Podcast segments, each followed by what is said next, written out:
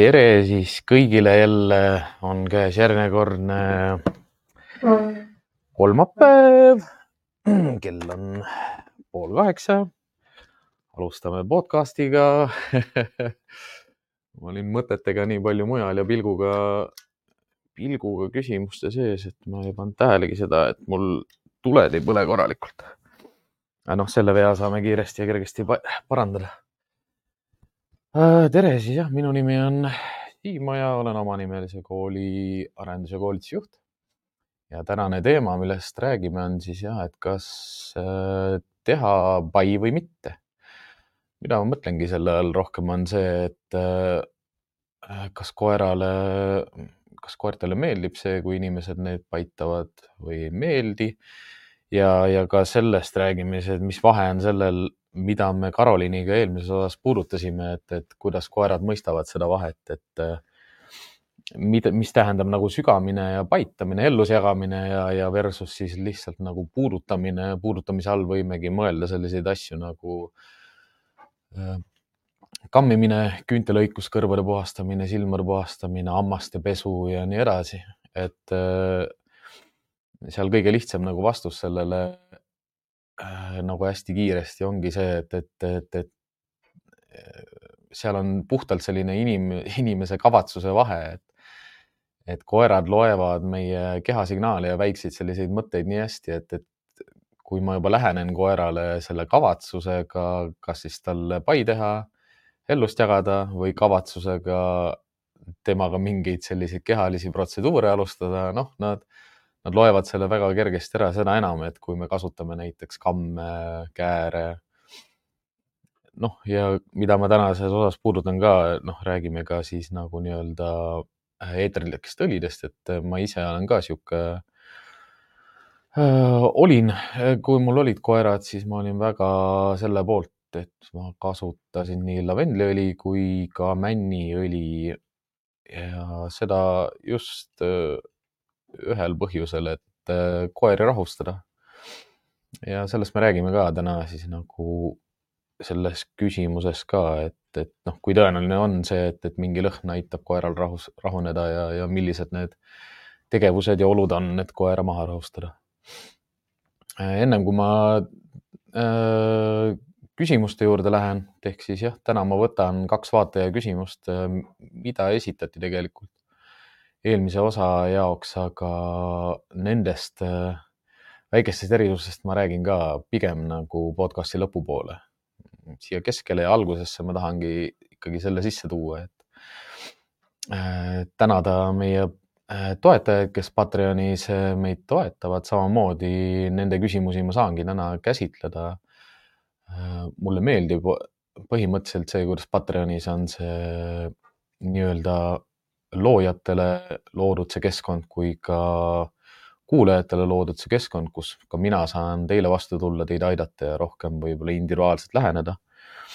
Mm, mis, mis jah, on seal, et seal on veel palju õppida nii minul kui ka mul on vaja kohaneda veel üsna palju sellega, et milliseid hüvesid ja kuidas pakkuda ja, ja kuidas olla ise nagu võimalikult ka aktiivne kui ka proaktiivne selles osas, et, et, et see oleks selline kompleksne ja, ja kasulik äh, sõna otseses mõttes nii, nii mulle kui, kui, kui kuulajale ja vaatajale.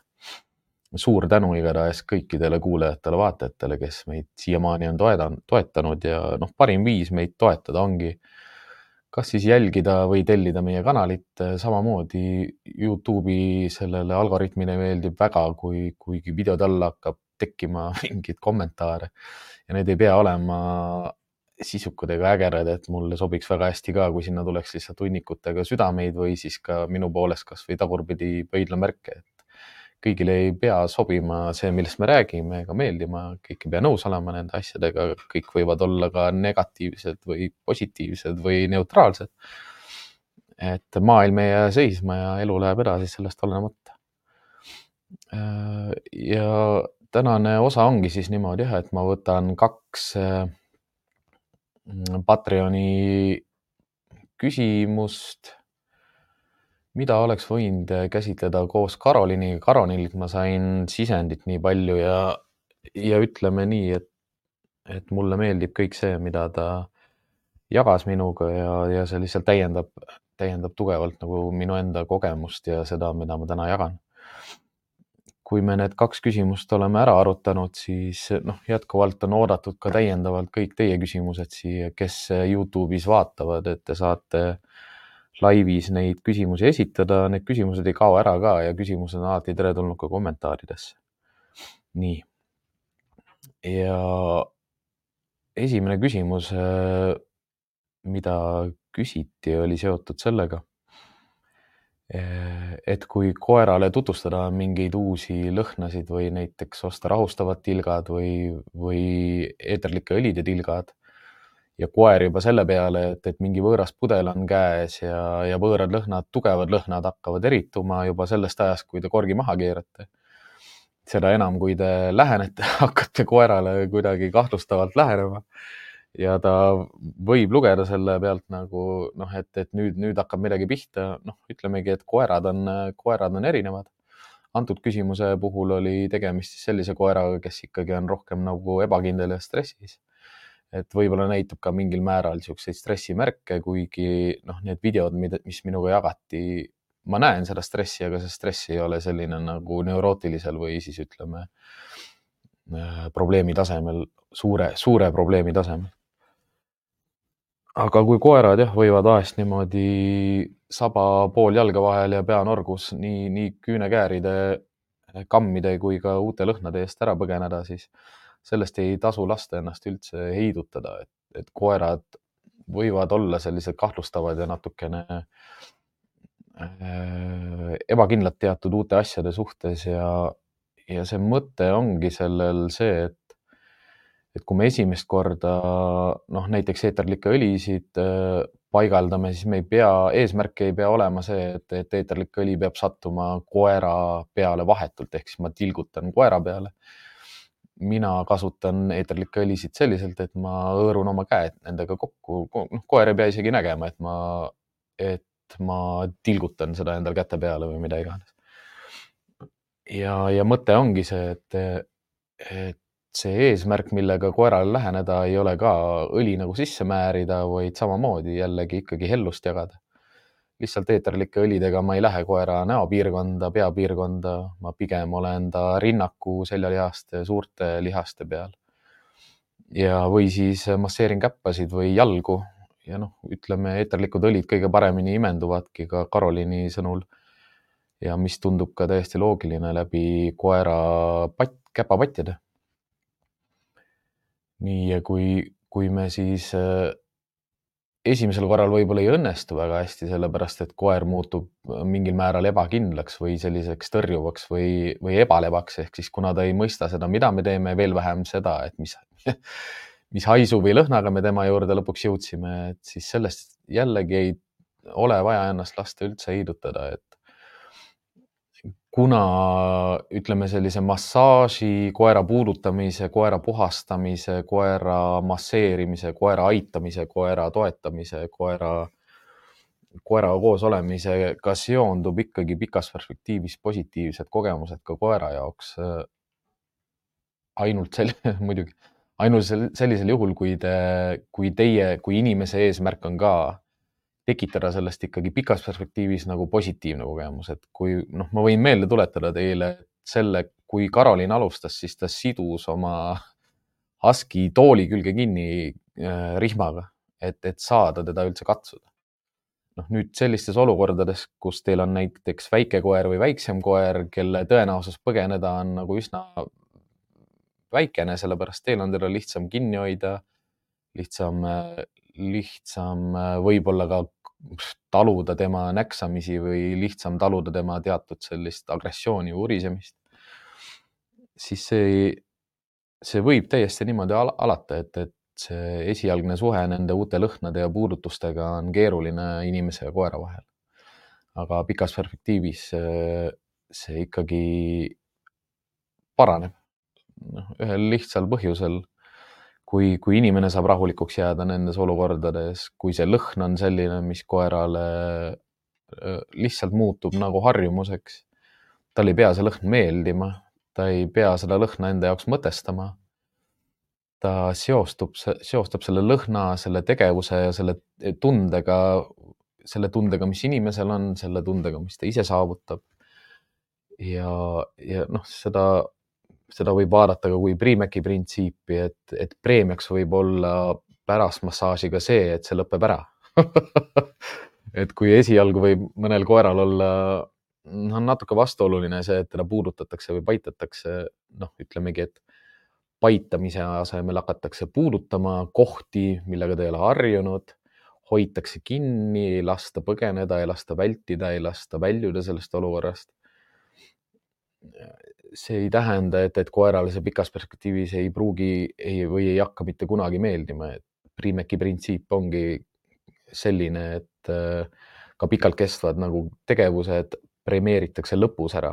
ehk siis, kui koer hakkab niimoodi seostama erinevaid elu, noh, lihtsalt eluolulisi selliseid küsimusi, kus ta teab, et ta peab mingi aeg kuskil paigal olema või mingit asja pikalt tegema selleks, et saada preemia. preemia on, võib olla see, et ta vabaneb Äh, sellest äh, nii-öelda justkui selle kontrolli alt või selle surve alt või selle sotsiaalse surve alt, mis talle avaldatakse.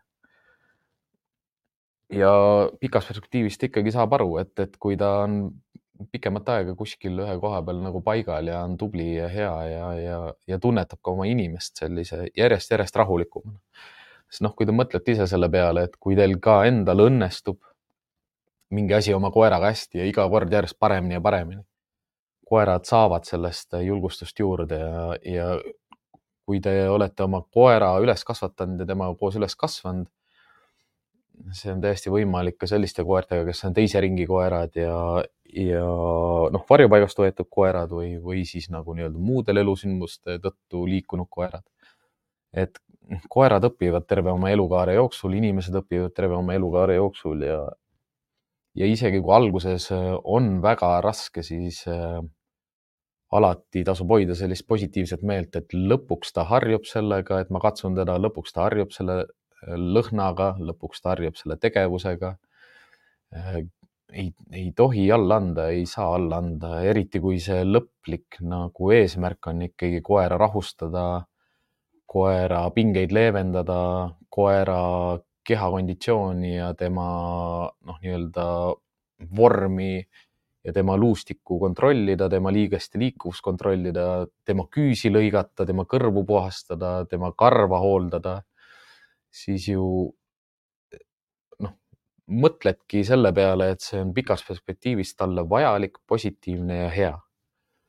noh, ma tean, noh, ma tean ise ka seda piisavalt palju, et, et, et Eestis ja maailmas on teatud hulk koeri, kellele ei meeldi üldse, et neid katsutakse. Neid ei saa küüsi lõigata, neid ei saa kammida, neid ei saa pesta, neil ei saa kõrvu puhastada. Noh, neid viiaksegi gruumingusse, neil lastakse teistel inimestel seda teha. ja noh, enne kui ma arvangi, et siin on võib-olla tegelikult hea koht, enne kui ma lähen natukene edasi selle järgmise küsimuse juurde, ongi see, et et seal ongi kõikide koertega on see küsimus, et, et kui, kui ta enda omanik ei saa temaga midagi teha, see ei tähenda, et keegi teine ei saa midagi teha.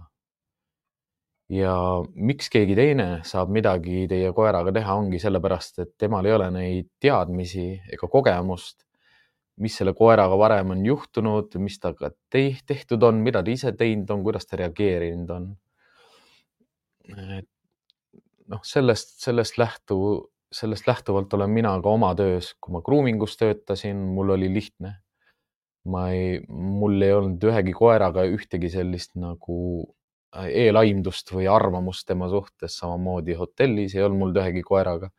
sa näed seda, mis on kohapeal, sa näed seda, mis on nüüd, kui sina oled rahulik, on koer rahulik. ja ma saan sellest täiesti aru, et, et, et inimestel, kellel on oma koer kodus, on seda palju raskem nagu teha, sellepärast et see kogemus, mis meile on äh, nagu sisse õpitud, sisse õpitud käitumine, see ei ole nii kerge nagu ümber kujunema ja, ja sa ei saa öelda iseendale, et, et noh, täna on mul ükskõik ja ei, ma saan sellega hakkama ja jah, ma noh, tihtipeale me lähme proovima ja me ei lähe tegema ja kui me lähme tegema, siis meil ei ole veel kogemust. ja sellepärast ongi osadel inimestel on, on teie koeraga lihtsam just sellepärast, et ei ole seda, seda karjadünaamikat või seda kooselu nagu nii-öelda struktuuri, mis on teiega, teisel inimesel see puudub. ja mina saan hakata seda, neid reegleid hakata nullist kohe uuesti otsast peale laduma hakkama, ma ei pea nagu arvama ega mõtlema selle peale, et mida ta võis kunagi teha. ja noh igasuguseid koeri on föönitatud, pestud, küüsi lõigatud, kõike tehtud, et ei ole, ei ole muret. muidugi seal ongi, seal on äh, kaks sellist lihtsat nagu mõtestamist või, või tehnikat või oskust või meetodit nagu, mida võib kasutada selleks, kui, issand, mul hakkab aevast tulema. Äh, mida võib kasutada selleks, et, äh, et aidata ka koeral või aidata inimesel lihtsamini erinevaid nagu nii-öelda kehaprotseduure läbi viia. üks asi, mida tuleks alati ja igaüks peaks sellest aru saama ja mõistma, et, et äh, koera hooldades, koera katsudes, koera paitades, koera masseerides tuleb austada seda, et ma ei saa olla temast kõrgemal, ma ei saa olla temast üle, ma ei tohi olla liigselt domineeriv. mu eesmärk ei saa olla isegi teda kinni hoides tema kohalolek, tema kohal olemine vaid ma pean saama ka teda kinni hoides, ainult mu käed on tema peal, mina ise ei lähe tema kohale, vaid mu käed on tema peal ja need käed ei ole kõvasti tema peal, need käed on nii palju ja kõvasti tema peal, kui on vaja, et ta püsti tõuseks ja ära ei läheks. noh, seal ongi nagu kaks varianti, üks variant on see, et te katsu-, te hoiate koera liiga kõvasti kinni ja ta tahab sellepärast ära põgeneda ja, ja teie iga, igakordsed nagu nii-öelda uuesti tema maha, maas hoidmise puudutused on liiga intensiivsed ja ei ole piisavalt pehmed. või noh, ma ei räägigi pehmed, seal ongi see reegel, et mit, nii kõvasti kui vaja ja nii vähe kui võimalik, alati selline reegel, et nii kõvasti kui vaja, nii vähe kui võimalik. ja noh, kui, kui mul on suuremad koerad, noh, ma, ma ei mõtle üldse niimoodi, et kui ma koert, kui ma koduvisiitidel käin või ka grooming us äh, või ka pesemise ajal, mida, mida paljud inimesed võib-olla ei tea, on jah see, et grooming'u lauad on reguleeritava kõrgusega ja need metallist äh, pesu, pesuvannid, need, need on täpselt samamoodi reguleeritava kõrgusega, et neid saab tõsta kõrgemale, et koeral oleks, et ma ei kummardaks koera kohale. ja et ma tõstan koera vähemalt silmajoone, oma silmajoonega samale tasemele. et et noh, mul selja taga on siin diivan, et ma tõenäoliselt laseks isegi saksa lambakoeral siia diivani peale minna. sest kui ma ta pikali panen ja ma ise olen põlvili, siis tema on minuga ühel kõrgusel. ma ei pea olema koera kohal, ma ei pea tema üle domineerima. Täiesti vabalt suurtemate ja väiksemate koertega tegelikult saab lihtsalt põrandal ka hakkama. aga kui teil on selline koer, kes võib-olla on natukene ebalevam, sellepärast et te panete teda külili või, või katsute teda kõhu alt või tema tagumisi jalgu või tagumikku või, või mune siis on hea, kui nad on kõrgemal, samamoodi käpad ja käpaotsad ja küün, küüntelõikus, et, et koer tasub tõsta alati kõrgemale endast. teine asi, mida saab kasutada, on äh, kellegi abi, et ei pea üksinda, üksinda tegelema sellega, et, et koera kontrollida, kui talle võib-olla ei meeldi see, et te katsute teda kohtades, kus ei ole, tema arust ei ole lubatud või, või samamoodi, võib-olla tal on juba valulik võib-olla tal on küüned valulikud, sest ta sõrmed on nii ülekoormatud juba, et tegelikult tal on valus, aga noh, koerad jälle, nad ju ei räägi meile, nad ei ütle, et neil on koormusvalud või, või et neil on pinge kuskil. Aga noh, ongi, kui koerad on sellised natukene agressiivsemad või noh, proovivad näksata või urisevad või, või käituvad kuidagi juba natukene nagu ennatlikult ja lähevad pingesse ja jäävad vaikseks ja paigale ja noh, sa ei pea, noh, osade koerte puhul sa pead ootama, et hakkaks midagi tegema, osad koerad jäävad nagu kruumimise lõpuni selliseks pingeks, osad lülitavad ennast täiesti välja ja noh, seda nimetataksegi nagu freeze ehk siis ta külmutab nagu oma oleku ära. see on nagu kõige halvem variant, sest siis noh, koer, koer noh, põhimõtteliselt lepib sellega, et, et, et see on nii halb praegu, et mu keha enam ei funktsioneeri see ei ole hea, aga seda saab ka leevendada jälle sellega, et, et, et see suhe ja suhtlus, mis mul temaga on, kus ma ei kiirusta, kus ma ei kärgi kogu aeg, kus ma ka ei tee mingeid tobedaid häälitsusi, kasvõi või et noh, ma ei pea seda erutust koeral üleval hoidma, ma võin massaaži ajal ka teda rahulikuna hoida, ma ei pea teda keelama, ma ei pea teda kõvasti kinni hoidma. aga kui on sellised koerad, kes noh, nagu üldse ei lase ennast katsuda, üldse ei saa käppasid katsuda, noh, mida tasub nagu mõtestada ka enda jaoks, on see, et, et iga kord koera käpast kinni võttes ei tähenda seda, et ma pean tal küüsi lõikama. Nii, ja ja noh, kammimisega on ka sama, et, et ma võin kammiga olla koera juures, ma ei pea teda kammima, ma võin teda käega paitada. ma võin teda vaikselt kammida, ma võin teda ühe korra, ma võin teda kaks korda kammida, ma ei pea jääma sinna. aga kui on sellised koerad, et noh, ma ei saa ta lähedalegi, ta jookseb eest ära, kui ta jookseb eest ära, satub nurka, siis ta näitab mulle ainult hambaid, ma ei saa mitte midagi teha, ma ei saa küünte, küünekääridega tal läheneda, ma ei saa harjaga tal läheneda siis äh, tasubki lihtsalt rihm kaela panna koerale ja kahekesi tegeleda sellega või ka üksinda tegeleda, noh, ütleme, kuidas kruumerid saavad hakkama, meil ongi see stange seal pea kohal, noh, sinna stange, me tõmbamegi pinge otse ülesse ja stangesse. Ja noh, stangerihmad on kõik sellised, need käivad kõrgele kõrvade taha. ma usun, et paljud kruumerid isegi ei mõtesta enda jaoks seda, aga minu eesmärk oli alati see klamber saada sinna nii kõrgele kui vaja ilusti tõmmata vaikselt niimoodi, et kui koer natukene pead langetab, siis ta tunneb seda pinget. ja sättisin stange alati niimoodi, et, et see äh, surve on alati otse üles. noh, iga kord, kui ta hakkab pead langetama, miks sa ei lase koeral pead langetada, on sellepärast, et sa tahad, et tal oleks niisugune enesekindel keha asend. siis tal on pea püsti, ta ei langeta seda alla, ta ei, ta ei alista sulle nende kehaliste tegevuste tegemisel ta ei saa näidata sellist kehakeelt ja noh, mida ma ka tihtipeale tegin, oli see, et ma ise paitan noh, lõua alt, tõstes koera pead ülesse ja samal ajal katsun saba ka ja tõstan seda ka üles. noh, sa näed, kuidas noh, grooming us on hea, sellepärast et kui on püsikliendid, siis nad tulevad korduvalt ja korduvalt ja korduvalt ja sa näed, kuidas iga kord koer läheb järjest enesekindlamaks ja rahulikumaks ja stressivabamaks ja enesekindlamaks ja rahulikumaks ja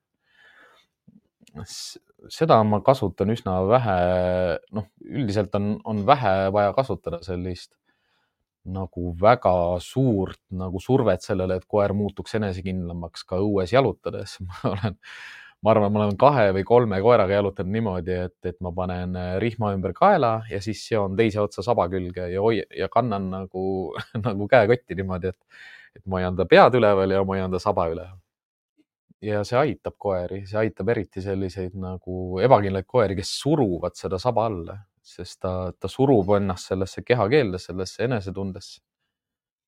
ja kui on sellised koerad, kellele ei meeldi see puudutus, et kui ma jälle hoian teda kinni, ei lase tal valikuid teha, takistan tema põgenemissuundi, ta tahab mind juhtida, tema juhib mind niikuinii enamuse asjas, asjades eludes.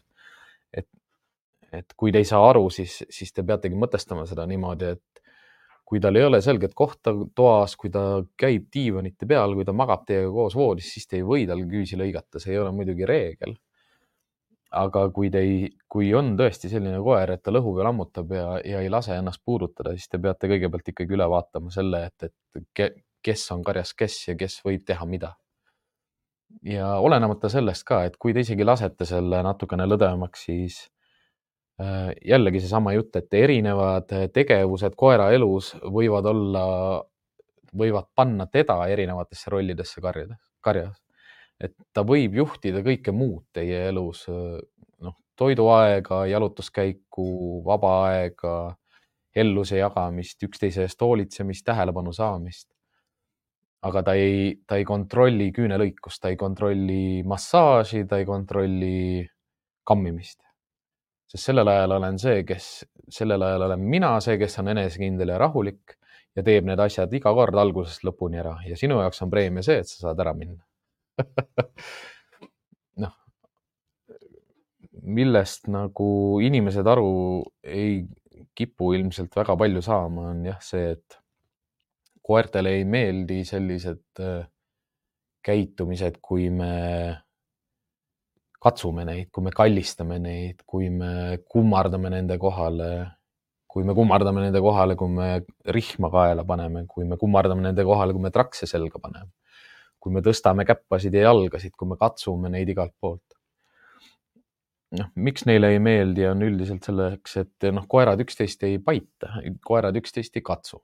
noh, nüüd, nüüd äh, võivad paljud inimesed vastu vaielda sellele, et, et noh, minu, mu koerale väga meeldib, kui teda paitatakse, mul, mu koeral meeldib hõõruda ja nühkida ja ronida ja turnida ja ta vahepeal on mul kaelas ja ta käib seal selle diivani seljatoe peal ja äh, noh, nad õpi, paljud koerad õpivad ära asju, mis ei ole naturaalsed ja loomulikud, aga kuna nad õpivad kogu aeg ja kõike, siis me suudame neile ka õpetada asju, mis ei ole neile loomulikud ja loomulikult nad suudavad ka asju hakata nautima.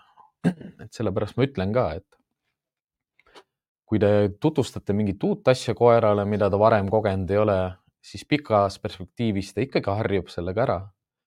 paitamise ja katsumise me saame oma kutsikatele harjutada ära niimoodi, et ta ei väldi seda lihtsalt sellega, et kui me kutsika saame, siis iga päev me näpime ja torgime teda, noh, mitte kuidagi pahatahtlikult või, või vaid sihilikult ja ennatlikult ja rahulikult ja samamoodi juba tekitame seda, seda rutiini, et inimesed katsuvadki teda, harju sellega, et sind katsutakse. noh, ma tean, et, et, et sulle tundub see praegu täiesti nagu loomuvastane, aga harju sellega, et, et see, see on sulle kasulik ja see saab sulle nagu kasuks tulema noh, miks need konfliktid koertega tekivadki, ongi sellepärast, et, et see eesmärk, mida ma lähen tegema, millega ma lähen, mida tegema ja minu enda sellised enne, ennatused juba, et kus mu varasem kogemus ütleb, et ta teeb nii ja nii ja nii ja ma ei suuda seda maha panna. noh, nüüd ma kasutangi pigem selliseid nagu abistavaid vahendeid, kus ma tõstan koera kõrgemale, võtan kellegi appi ja teen alati need protseduurid rahulikult algusest lõpuni, iga korraga läheb järjest paremaks ja paremaks ja paremaks. kui ei lähe paremaks, siis te teete midagi valesti. kas, kas te hoiate liiga kõvasti kinni, kas te surute liiga kõvasti, kas te kasutate mingit hääletooni, kas teie enda enesetunne ei ole õige, ei ole hea, te ei usu sellesse, mida te teete, siis need asjad ei parane. aga noh, ma sellepärast ka proovin inimestele seletada kogu aeg seda, et see, et see ei pea olema kuidagi mingi quick fix, ega see ei näe, see näeb välja võib-olla nagu quick fix, et et, et ma viingi koera grooming usse, ma saan ta korralikult kaelas kontrolli alla, ma panen ta ilusti rihmaga kinni, ma saan ta noh, mitte rahunema, ta on endiselt stressis, aga ta keha on paigal, ta saba ei ole tugevalt jalge vahel. ta on lõdva. ja ma saan need asjad nagu ära teha, aga ega minu jaoks ka samamoodi, see ei ole ju lahendus ega lõpp. jah, ma saan need asjad ära teha ilma ühegi hammustusega, ilma ühegi urisemiseta. see koer on pestud, tal on käpad lõigatud, tal on küüned lõigatud, tal on karv kitkutud, tal on kõrvad puhastatud, tal on silmad puhastatud, tal on hambad pestud. ta ei ole mitte kedagi hammustanud, ta ei ole noh, mitte midagi halba teinud, aga see ei tähenda ka, et ta oli nagu õnnelik nüüd lõpuks aga iga korraga, kui ta jälle käib ja tuleb ja tuleb ja tuleb, siis juba lihtsalt puhtalt see keskkond ja näiteks selle kruumeri lõhn ütleb talle, mida, mida me tegema hakkame, mis nüüd toimuma hakkab. ja, ja kõik oleneb sellest ka, et kas ma kruumerina või inimesena nagu võtan seda, et, et see on koera jaoks karistus. kui ma ise juba ei võta seda niimoodi, et see on koera jaoks karistus, siis ka temal on lihtsam olla selles olukorras, selles hetkes. ja võtan teise küsimuse siia otsa, sellepärast noh, jälle see, see seostub hästi, et, et noh, kas ja kuidas ma üldse saan aru koera, koera kehakeelest, et ja, ja talle massaaži tehes, et, et ta on stressis. noh, ükspuha ju, mida ma koeraga teen, et, et ma olen näinud, et koer on stressis siis ka, kui talle pannakse kaelarihma kaela, ma olen näinud, et koer on stressis siis ka, kui, kui inimene joob klaasist vett et stressis koerad on, seda stressi on kogu aeg näha ja tavaliselt stressi varjavad koerad äh, erutusega. meil on see osa olnud ka, aga ma ikkagi seletan selle siia kehakeele juurde nagu ära, et, et äh, stressis koer võib välja näha õnnelik ja stressis koer võib välja näha rõõmus aga koerad ei ole ei õnnelikud ega rõõmsad, nad on erutunud ja erutunud koer ei ole õnnelik koer. noh, see on, see on niisugune lause, mida ma kasutan päris tihti. et noh, seal, sinna ei saa võrdus, võrdusmärki tõmmata.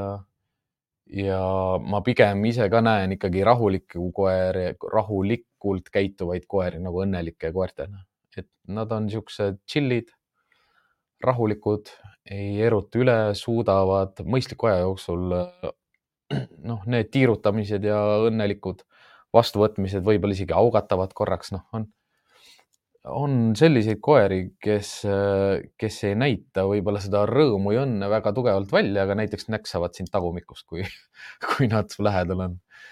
või, või näksavad kuskilt mujalt, noh, on niisugune rituaal, et, et nad, noh, nad annavad ennast lihtsalt märku, nad on õnnelikud, et sa tulid, see kõrge erutus ongi, ongi selline näksamine, mõni augatab korraks, aga ta see ongi ainukene asi, mis ta teeb ja see on tema see tervitus ja rituaal, äh, mida ta teeb, et, et rituaali alla ei lähe see, et koer õnnest ennast täis pissib ja rituaali ei lähe, alla ei lähe see, et ta hüppab katkematult inimeste peale ja, ja rituaali alla ei lähe see ka, et terve see aeg, kui sul on silmad lahti ja sa püsti seisad, siis koera saba ei jää seisma.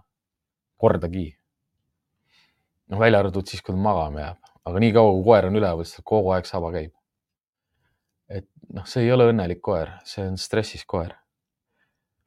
Ehm, kuidas sa noh, koera katsudes või koera, koeraga selliseid kehalisi tegevusi nagu tehes, kuidas sa aru saad, et ta on stressis? Äh, noh, külili olles on selline märk, et äh, käpad ei lange maha. Et kui nad külili on, siis käpad on äh, üks käpp on jah vastu maad, aga teine käpp on kogu aeg natukene õhus või siis liigub niimoodi eemale natukene õhust ja ta ei, ta ei, sa näed, et ta peaaegu mitte kunagi ei jäta oma käppasid maha. noh, isegi kui ta käpad maha viib, juba on hea märk, et ta on rahulikum, siis sa hakkad jälgima koera pead, pead ja nägu ja suud. Kui koer on rahulikum, siis ta tegelikult laseb suu üsna lõdvaks ja isegi see keel võib vastu maad minna, sest ta on noh, nii lõdva kui koer on natuke rohkem stressis, siis ta hingeldab hästi kiiresti ja noh, nagu äh, noh, hingeldabki hästi kiiresti. ja, ja silmad lähevad suuremaks, noh, silmad on hästi lahti ja vaatavad kogu aeg ringi. kui koer tegelikult maha rahuneb, siis ta suudab oma silmi hoida kogu aeg ühe koha peal rahulikult ja lihtsalt vaadata. Hingamine jääb aeglasemaks, südametöö jääb aeglasemaks, käpad lähevad alla. noh, ma ei saa öelda niimoodi, et paljud koerad panevad silmad kinni ja jäävad magama, aga, aga pikas perspektiivis peaks nägema noh, koerale massaaži tehes. kui te ei lähe koera juurde selle eesmärgiga, et teda sügada või, või natukene teda kratsida, siis nad ei pane silmi kinni, sest äh, see, see käitumine on liiga aktiivne. Aga kui te massaaži pakute ja see on äh, aeglane ja rahulik, siis koerad äh, panevad silmad kinni, kui nad täiesti maha rahunevad et noh, stressimärk on teatud määral ka see, et nad ei saa silmi kinni panna, sest nad ei usalda inimest. et tõenäoliselt Karoliini praktikas on ka niimoodi, et, et kui sa ikkagi esimesel korral lähed koera masseerima, siis sa veel ei saa tal silmi kinni. aga mu enda kogemus hotellist ja, ja grooming ust on ikkagi see, et äh, kuskil kakskümmend viis kuni kolmkümmend protsenti koertest ikkagi panevad silmad kinni ka aga ma ei ole viimasel ajal ja palju nagu nii-öelda koera masseerimisega enam tegelenud. oma koerad, kes mul olid, nemad panid kohe silmad kinni. mõlemad mu koerad, üks oli, noh, neil oli, ma ütlen viieaastane vanusvahe äkki, noh, ma võin eksida ka praegu, noh, üsna suur vanusevahe erinevatest kennelitest. Aga käitumiselt nagu teatud selliste käitumismustrite poolest väga sarnased, sest nad elavad minuga koos. et noh, koer on inimese tegu, mitte inimese nägu. ja nad kõik muutuvad ühesuguseks, olenemata tõust no,. Nad muutuvad Nad ei, nad muutuvad sellepärast ühesugused, et nad on kõik koerad, mitte sellepärast, et nad on sinu koerad. et noh, mul praegu, praegu ikka minu elus on, on koeri, keda ma kohtan üsna tihti ja, ja nendega ongi see küsimus, et ma ei paku neile sellist nagu liigset massaaži pikkust või liigset ka seda hellust, mida ma neilt võtan aegadelt, kui nad on rahulikud. liiga pikalt, sellepärast et ma tajun nende stressi, neile ei meeldi see, ma olen suur mees. Ma alati ei saa positsioneerida ennast soodsalt, ma ei hakka neid tõstma sellepärast, et neid paremasse olukorda panna. ja mulle täiesti meeldib see, et kui ma lihtsalt istun kuskil ja koerad tahavad olla mu lähedal selle vastu mul ei ole midagi, minu peale nad ei tohi tulla, minu otsas nad ei tohi lösutada. aga, ja kõigile võib tunduda nagu see, et, et ma olen kuidagi nagu agressiivne üleolev nagu, nagu koertega. aga mina võtan seda kui austust ja usaldust ja ma naudin tõsiselt seda, kui koerad usaldavad ja tahavad minu juures olla minu lähedal olla, minu soojust tunda, minu südametööd tunda. aga see ei tähenda ka veel absoluutselt seda, et mina saan neid vabalt katsuda noh, ma ei ela nendega koos, ma ei tee nendega nii pikki sessioone. Ma ei oleks sellise eesmärgiga. massaaži tähendus minu jaoks on tihtipeale ka selline pärast sporti, pärast liikumist, pärast jooksmist, just see lihaspingete maandamiseks sest äh, noh, minu enda koerad ei olnud stressis. noh, liigses stressis, ütleme sellist stressi nad noh, inimesed ja koerad, loomad, kõik peavad taluma teatud stressi iga päev, iga päev, iga, igasugustes olukordades. Aga see ei tähenda, et, et nad pidevalt stressis on ja et see stress on nende jaoks nagu kurnav või krooniline või, või pidev või, või rusuv. Aga mis, mis stressi tekitab? Sportkoertel ja võistluskoertel ongi just ju treeningud, noh, see liikumine, vedamine, jooksmine, kiired liigutused, kiired pöörded. Et nad on sportlikud, nad on lihastes, nad on heas vormis, aga see ei tähenda, et, et nad ei satu stressi, kui see lihaskoormus on suur, kui pingutus on olnud suur, kui päevad on olnud pikad.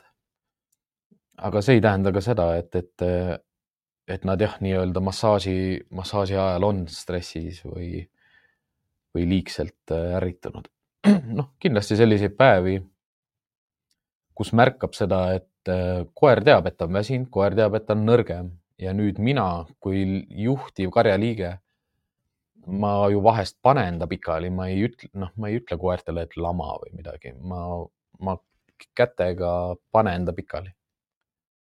rahulikult ja nad ise lähevad, noh, noh, mäletangi noh, koertega oli niimoodi, et ma kahe sõrmega vajutan tagumiku peale, siis ta läheb istuma ja siis ma lükkan lihtsalt ühe külje pealt ja siis ta läheb ise külili.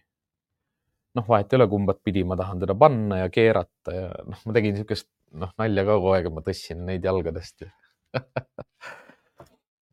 aga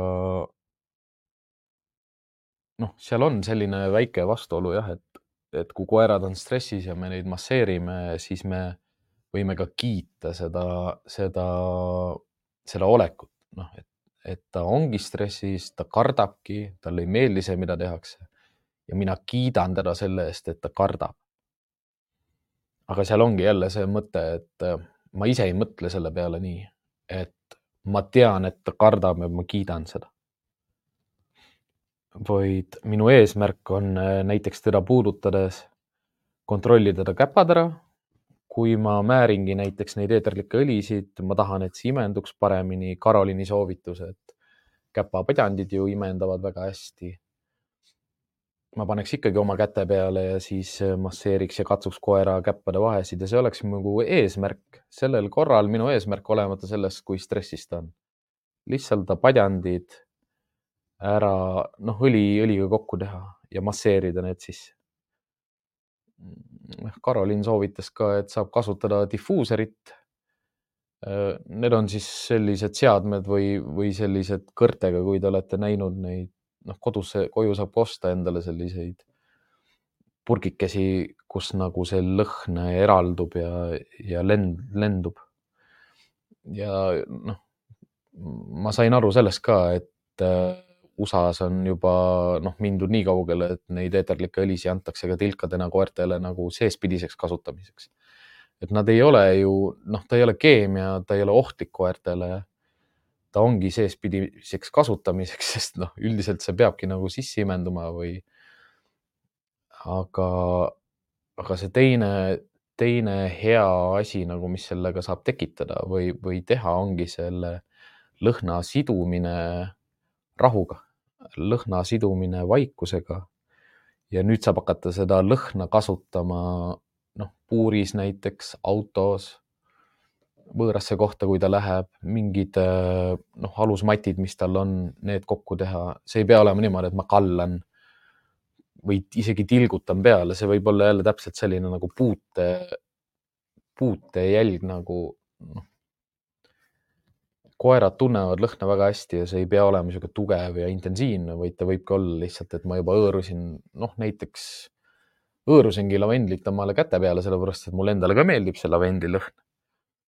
Ja siis ma lihtsalt katsun, katsun automatte samade kätega, täiesti piisab selleks, et koer sa tunneks seda lõhna ja tajuks seda lõhna.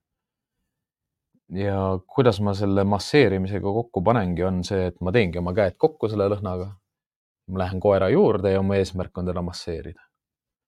iga kord, kui see olukord tekib, kui ma teda puudutan, see tähendab rahu, kui ma teda masseerin, see tähendab rahu ja see lõhn seostub tal selle mälupildiga, et see lõhn tähendab rahu noh, ma saan sellest äh, kaks asja kindlasti. esiteks ma saan selle, et kui ma katsun oma koera, siis ta rahuneb maha, nii noh, see aitab mul mul on see noh on nagu parasiitsõna. Äh, see aitab mul tekitada sellise suhte koeraga, kus olenemata nagu kasvõi raskest olukorrast, kui ma tema juurde lähen ja teda puudutan, siis ta rahuneb maha. noh, näited näited olukordadest, kus ma pean oma koera puudutama, kui ma lähen temaga arsti juurde vaktsineerima. kui ma lähen teda noh, üle vaatama, kui ta on ka viga saanud ja ma pean viima ta kuskile või tõstma teda kuskile. kui ma tõstan teda akendest sisse autosse, noh, kõigil ei ole vaja koera aknast sisse tõsta. Et kui ma katsun teda, kui ma tõstan teda, kui ma hoian teda kinni, et iga kord, kui ma teda puudutan, ta rahuneb kohe maha. noh, teenistuste koerte, teenistuskoerte puhul eriti hea, sest neil on stressirohkeid olukordi ja kui sa oled lähedale koos ja käsi enda vastas, siis ta on palju rahulikum ja keskendunum. kohe, kui sa käe ära võtad ja vabastad, noh, siis ta võib minna ja teha seda, mida ta oskab hästi. ja sama asi jälle, et kui ma nüüd juurde tulen, noh, ütlemegi, et see näide, et koer on äh, kedagi hammustanud, ta on haardes ja minu tema juurde tulek ja tema puudutamine peaks ta maha rahustama ja tooma ta maa peale tagasi ja instinkti alla viima niimoodi, et ma saan ta lahti võtta ilma suurema kakluseta ja ma saan ta tähelepanu tõmmata või vahetada noh, selle haarde millegi vastu. et puudutus saab olla selline asi, mis rahustab, mis aitab. ja noh, see küsimus nagu, mis alguses küsida jah, et, et kas teha pai või mitte, siis äh, koerad on, on inimeste maailmas selle jaoks et nad aitavad meil stressi maandada. Nad aitavad meil rahuneda. ja me saame koos elada väga nagu mõnusalt. nii, aga äh, noh, sihuke hea teadmine või hea oskus on ka mitte võõraid koeri puudutada, mitte võõrastel koertel äh, näkku ronida, pea peale ronida, saba alla ronida. et äh, võõrad koerad, ka oma koer, väga hea praktika ja taktika on äh, paitada just suuremaid lihaseid, suuremaid lihasgruppe. kui on sellised alandlikud koerad, kes lasevad oma pea alla, kui te teda paitate, siis pigem teha just paid nagu alt ülespoole ehk siis siit rinnaku pealt tõmmata ka kuk, no kõri alla ja sealt üles sügada lihtsalt tema, tema rinnakut ja noh, tagajalgade siseküljed on niisugused nagu põhilised magusad kohad. võib läheneda tagantpoolt, võib läheneda eespoolt. et kõikidele koertele meeldib, ma ei tea veel ühtegi koera, kellele ei meeldi tagajalgade sisekülgede sügamine. Mm, millal koera mitte sügada on jah, siis kui nad viskavad selili või külili. Külili võid ise panna ja siis sügada ka kohe, kui nad on külili ja nad hakkavad seda jalga tõstma siis, siis sellel ajal tasub nagu paitamine ära lõpetada, sest sellist nagu alistumist ei kiida. jah, kui mul on, ma ei teagi, millised massaažitehnikad täpselt on, et noh, seda ma saaksin aru, et, et ma võtan jalast kinni, tõstan selle üles, ise ülesse ja kuidagi proovin ronida võib-olla sinna jala sisekülje sisse nagu noh, ma ei tea, mis see põhjus võiks olla jah, või, või siis liigutan jalga ja samal ajal tunnetan, mida ta rinnakorv teeb või, või lihased. aga see, et ta ise peaks nagu kõhu üles keerama, seda ta ei pea tegema. miks koerad seda teevad, ongi alistumise märgiks, et alla anda. aga, ja see paistab jälle sihuke õnnelik ja rõõmus välja ja, ja on koeri, kes ka panevad silmad kinni, jäävad magama, aga seal ei saa nagu segamini ajada seda, et mis on usaldus. koer ja loom usaldab sind, siis ei saa kuritarv-, noh mul ongi selline loogika lihtsalt, et, et kui koer, kui ma juba võitsin koera usalduse, siis ma ei kuritarvita seda usaldust. ma saan aru, et sa armastad mind, ma saan aru, et sa austad mind, ma saan aru, et sa usaldad mind. aga ma ei kiida sind valede käitumiste eest, sest mul ei ole seda vaja. Ma ei ole selline inimene siin maailmas, kellel on vaja lipitseda, kellel on vaja liigselt nagu alistuda. ole, ole täiesti rahulik et noh, see on nii fantastiline tegelikult, kui sa saad koertega järjest rohkem niimoodi seda austust ja usaldust koguda veel rohkem. noh, sul on niigi seda palju, ütleme, et, et koeri, koeri maailmas, kellel on piisavalt seda usaldust ja austust inimeste vastu, on palju. Neid koeri on ka palju, kellel ei ole seda austust ja usaldust inimeste vastu, aga nii ühel, ühel juhul me saame seda usaldust ja austust tekitada sinnamaani, kus see on äh, mõlemale aktsepteeritav. ja me saame ka tagurpidi ehk siis liigselt usaldavat ja austat koera austada selliselt, et ta ei peaks lipitsema liiga palju. ja et ta saaks olla palju rahulikum ja vähem stressis. et on, on hästi huvitavaid selliseid kooslusi, kus, kus toas olles ma näen, et koer on stressis ja, ja erutunud. ja ma lähen välja, ta on äh, stressis ja hirmul. noh, erinevad keskkonnad, koer jälle käitub erinevalt, stress ei ole, stressimärgid on sellised, mida, mida igaüks saab jälgida ja vaadata ja, ja liigne erutus võib olla vabalt pigem stressimärk kui see, et ta on õnnelik ja, ja rahulolev noh, miks ta peab kogu aeg saba liputama, et mulle meeldida, noh ma ei tulnud midagi ära võtma ega, ega võitlema ega, ega jagama mingeid maid, et rahune, ole täiesti rahulik. aga kui inimesed juba näevad, et selliseid seoseid tekib ja noh, minul, mina saangi ainult jälgida seda nagu, et mida see koer mee, meesenergiaga teeb. Eks vahest ikka mõtled selle peale, et tahaks olla nagu noh, mõista seda ka nais, naistreeneri läbi nagu seda, et kuidas koerad nendega käituvad. kui nad on harjunud nagu naisenergiaga koos olema ja nüüd tuli järsku meesenergia ja mees käitub. aga suures pildis ma tean seda, et, et seal ei ole vahet, et kas tegemist on naise või mehega, tähtis on see, kuidas sa käitud ja kuidas sa mõistad ja aru saad sellest, mida tehakse ja, ja kuidas tehakse. Ehk siis noh, seda koera sügamist, paitamist ja masseerimist tasub enda jaoks nagu mõtestada selles osas jah, et, et millise eesmärgiga ma lähen seda tegema, mida ma lähen tegema, kui ma läksin midagi tegema, kas ma annan alla või lõpetan ära. kui ma viin selle asja lõpuni, kas see tähendab koera jaoks vabanemist või siis püsimist selles asendis. ja kui mul ei õnnestu, siis kuidas ma saan abi ja, ja mõtestada rohkem seda, et mida ma teha saan, kuidas ma teha saan. Ja kas ma suudan nagu endale manada või ette kujutada sellist pilti, et minna saab ainult paremaks. sest koerad on üldiselt noh, õpivad ja harjuvad terve elu, kui inimene õpib, kasvab ja harjub koos temaga, siis minna saab ainult paremaks. Ja ei noh, olen kogenud ka selliseid olukordi, kus pingutatakse ja mõtestatakse üle ja see üle ja ülepingutamine, ülemõtestamine ongi rohkem seotud sellega, et, et seal tahaks kogu aeg öelda seda, et less is more ehk siis vähem annab sulle rohkem kasu. Mm, ja võib-olla ka mitte nagu liigselt kinnisideestumine mingisse asja ju vähendab ka sinu stressi. Noh, kuidas need asjad töötavad, ongi ju see, et kui ma kogu aeg mõtlen millegi peale ja ma, ma sean endale eesmärke, mida ma ei saavuta, siis, siis ma lähen ise inimesena veel rohkem stressi ja, ja koer ju ei saa sellest mitte mingit kasu. või, või noh, teine, teine selline äärmus, et ma ise pingutan hästi palju, noh, kasvõi ma sõidan rattaga ja käin ujumas ja liigun palju aga ma ei märka seda, et, et ka minu kehas, keha on stressis tänu sellele pingutusele ja koer tajub seda. et seda balanssi saab igaüks nagu avastada ja leida.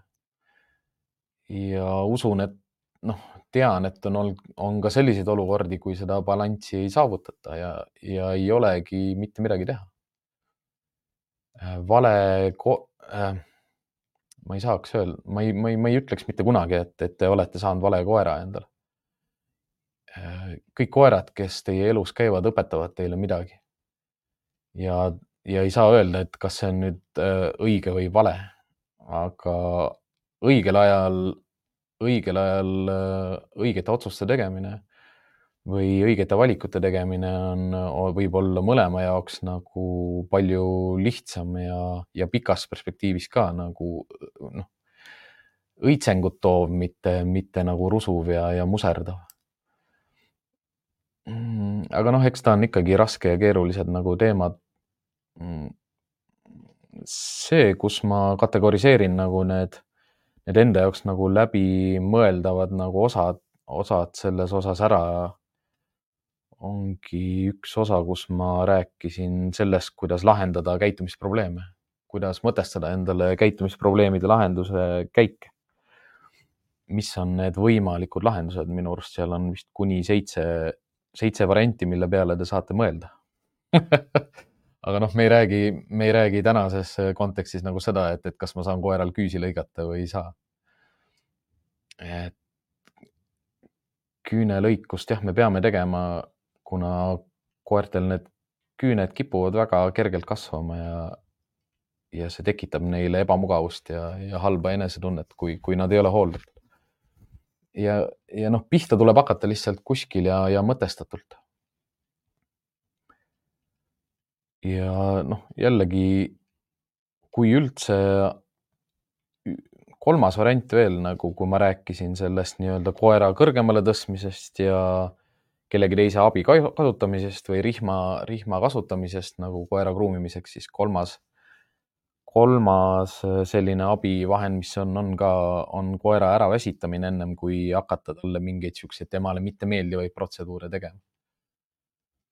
ja, ja see ei ole jälle niimoodi, et ma teen seda ühe korra, et ühe korra teha, vaid, vaid ma teengi seda mitu korda, et see pikas perspektiivis nagu õnnestuks järjest paremini, kus mina rahunen maha koer võib-olla ei rahune noh, terve oma elukaare lõpuni täielikult maha, aga mina inimesena saan järjest rohkem maha rahuneda, sest ma ei mõtesta neid tegevusi nagu liigselt väljakutsuvana või koera jaoks raskena.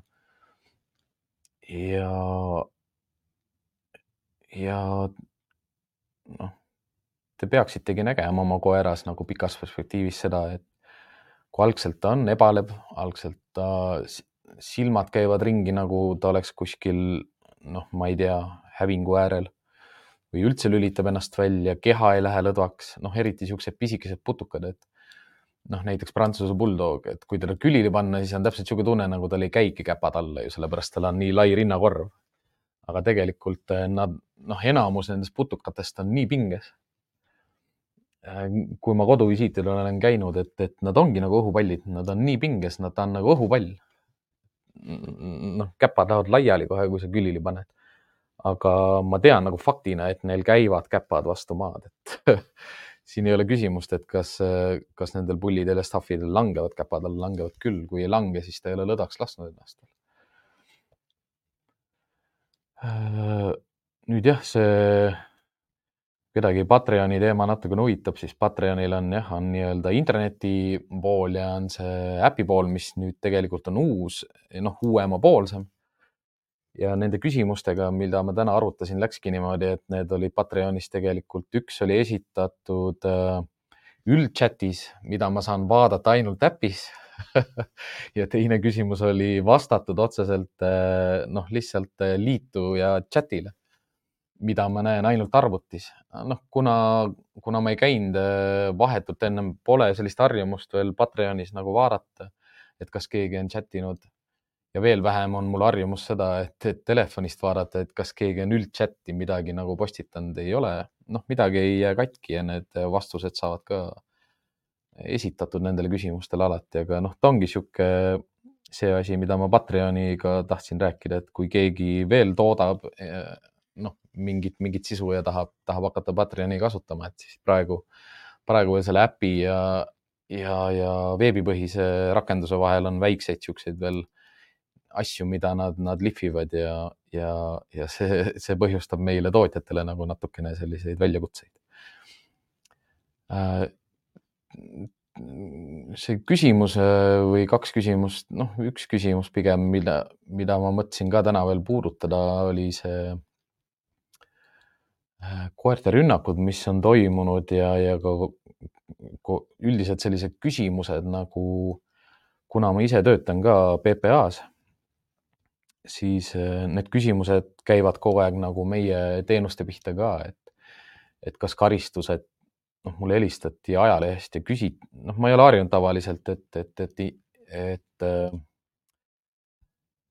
intervjuu käigus küsitakse nagu suletud küsimusi, kas või miks ja algusega ja kas või mis algusega ja siis küsitigi, et kas, kas peaks nagu neid äh, riiklikke karistusi nagu suurendama inimeste suhtes, kelle koerad äh, ründavad teiste, teisi koeri või teisi inimesi siis kuna see oli kas-küsimus, siis ma vastasin kohe, et ei pea.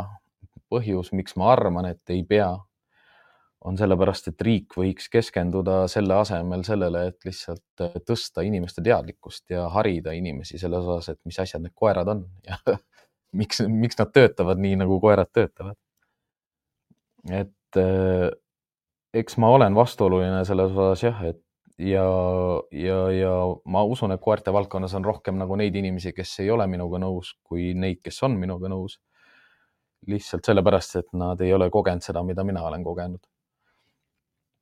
Ja, ja teadmised ei ole inim-, inimestel ega noh, üldiselt meil Eestis koeraharidusega nagu noh, heal tasemel ja meil on kõvasti veel järgi võtta ja võib-olla teatud kohtades ei, ei olekski vaja järgi võtta, vaid oleks vaja hakata looma nagu oma seda teadmist ja, ja kogemusi ja mõistmist. Eesti, Eesti tasemel, meie kultuuris ja meie koertega, mitte, mitte Ameerikas ja ma ei tea, kus veel teiste koertega, mis on ka huvitavad teemad kõik, aga, aga me ei saa kohaldada nagu kõiki tegevusi Eesti konteksti. Ja noh, teine asi, millest ma tahtsin rääkida, oli tegelikult juba nagu osaliselt puudutatud jah, on see koertega ületegutsemise või, või, või liigse mõtestamise teema jah, et kus, kus proovitakse,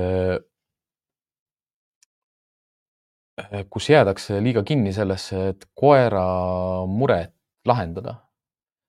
selle asemel, et inimese enda muret lahendada, aga minu jaoks nagu sarnased teemad, et kus kiputakse süüdistama koera kui, kui looma, kui millegi ohtlikuna, selle asemel, et, et, et iga kord ja kogu aeg näha seda inimest seal taga. ma ei, ma tõesti ei kujuta ette sellist kutsikat. noh, välja arvatud jah, ütleme siledakarvalised jahikoerad või, või need, kelle vanemad ongi, noh, kui ta on jahiks mõeldud, kui ta peab jahti minema, aga aga arvestades aretust ja seda, et, et äh, milliseid valikuid me kutsikat äh, võttes saame teha, ongi see, et ma ei kujuta ette sellist kutsikat, kes sünnib siia maailma, teeb silmad lahti ja ütleme noh, sellisel kahekümne esimesel elupäeval näeb esimest korda elus inimest äh, või teist koera oma, oma, oma karjakaaslasi. et et tema esimene ja ainukene eesmärk siin maailmas on oma karjakaaslased maha murda ja, ja inimesed ära süüa aga, aga, aga see kipub nii minema, sellepärast et ainukene põhjus, mis ma näen nagu, et, et mis ongi valesti, on see, et, et koerad elavad inimestega koos, noh, seda on, seda on niisugune küüniline ja, ja silmakirjalik öelda jah, aga aga olen endiselt nagu lõpuni veendunud selles, et äh, koertes ei ole üldse probleemi.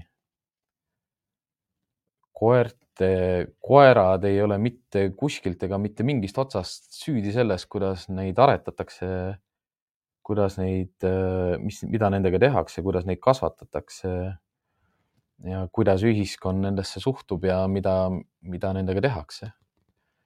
Kuidas saab olla selline loom, kes ei ole ratsionaalne ja ei loo nagu sisu? Noh, ma usun, et, et on selliseid koertest sisuloojaid, kellel on oma blogid ja, ja Instagramid ja, ja, ja noh, ma ei tea, mis asjad veel, et sisuloojaid ilmselt on jah, aga nende sisuloome ei ole nagu, nagu alati kasulik ka koerte, koerte liigile siis või, või, või, või erinevatele tõugudele.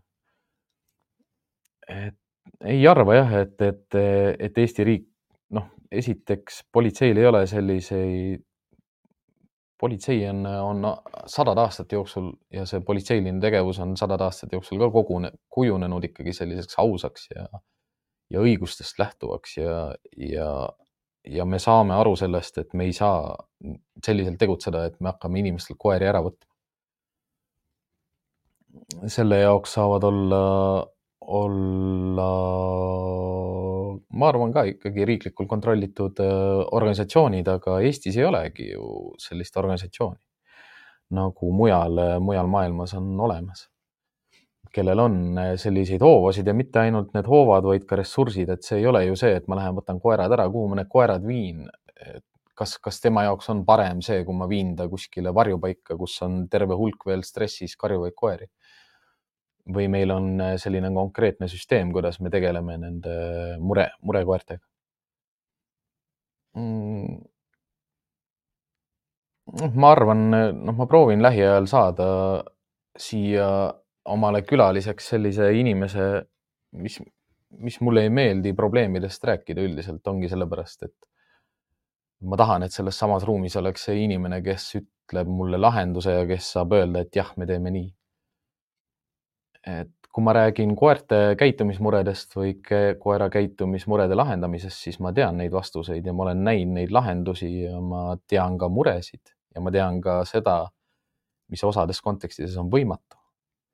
ma tean ka seda, et, et need hammustamised, mis on olnud erinevates, erinevates olukordades, ma saan alati ju ise öelda, et, et see koer oli vales keskkonnas, vale inimesega ja valel ajal vales kohas ja ma saan öelda ka seda, et, et ta tegi ühte või teist asja lihtsalt sellepärast, et ta on koer. aga kui ma hakkan rääkima sellest, et mis vajavad nagu suuremaid ja mõjusamaid nagu ühiseid tegevusi või, või valdkonna või, või ühiskonna muudatust, siis, siis ju spekulatsioon jääb spekulatsiooniks ja unistused peavad olema ja noh, mul see unistus on ja jääb et äh, Eestis äh, koerad ja inimesed elavad harmoonias. niimoodi, et nad mõistavad üksteist. noh, nad ei pea üksteisega rääkima koerad ongi siin maailmas selleks, et meiega koos elada. me oleme, noh, nüüd jälle siin aja, ajalooliselt ei, vaieldakse veel selle üle, et kui kaua me koeraga koos oleme olnud. aga jah, plaanid on huvitavad, ma nüüd ootangi seda, et kas Kreeknes Husky, kui te ei ole vaadanud veel või kuulanud sellist podcast'i, siis soovitan teil kuulata sellist podcast'i nagu Frozen Fingers. see on siis kaks Eesti noort, kes kolisid Rootsi just selle eesmärgiga, et lihtsalt võistelda Huskidega. väga, väga tore kuulamine, väga huvitav kuulamine, väga lõbus kuulamine ja nad on minu tuttavad ma, ma olen selle meesterahva nägu näinud, kui ta, kui ta arvas, et minu jäätisemasinast, noh, kui ta ei teadnud, et mu jäätisemasinast tuleb kaks koera välja et ta arvas, et mu koeratreiler on mingi generaator või, või mingi muu asi, mis ma sünnipäeva jaoks nagu aia taha tellisin endale. kui sealt koerad välja tuli, siis ta nägu läks ikka põlema. et jah, soovitan kuulata seda podcast'i ja neid mõtteid ka, hästi huvitavad mõtted ja, ja nüüd ongi see küsimus, et kas ma lähen neile külla või nemad tulevad mulle külla. vaatame, kuidas see edasi läheb.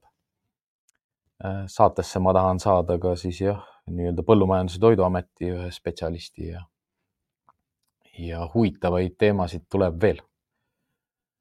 tänase teema ma lõpetaksingi sellise, sellise mõttega ära, et äh, ma olen andnud seda ka kodutööks äh, oma klientidele, et, et proovige nädal aega näiteks mitte oma koerale pai teha, vaadake, mis saab. ja proovige mõtestada enda jaoks seda, kas neil on seda vaja või ei ole vaja. ja noh, uusi väljakutseid ja niisuguseid põnevaid avastusi ja, ja tuletan meelde ka, et äh, teie kommentaarid, teie likeid, teie jälgimised, kas te vaat-, jälgite meid Spotify's, Apple, Apple podcastides või Google podcastides või Deezeris või kus iganes.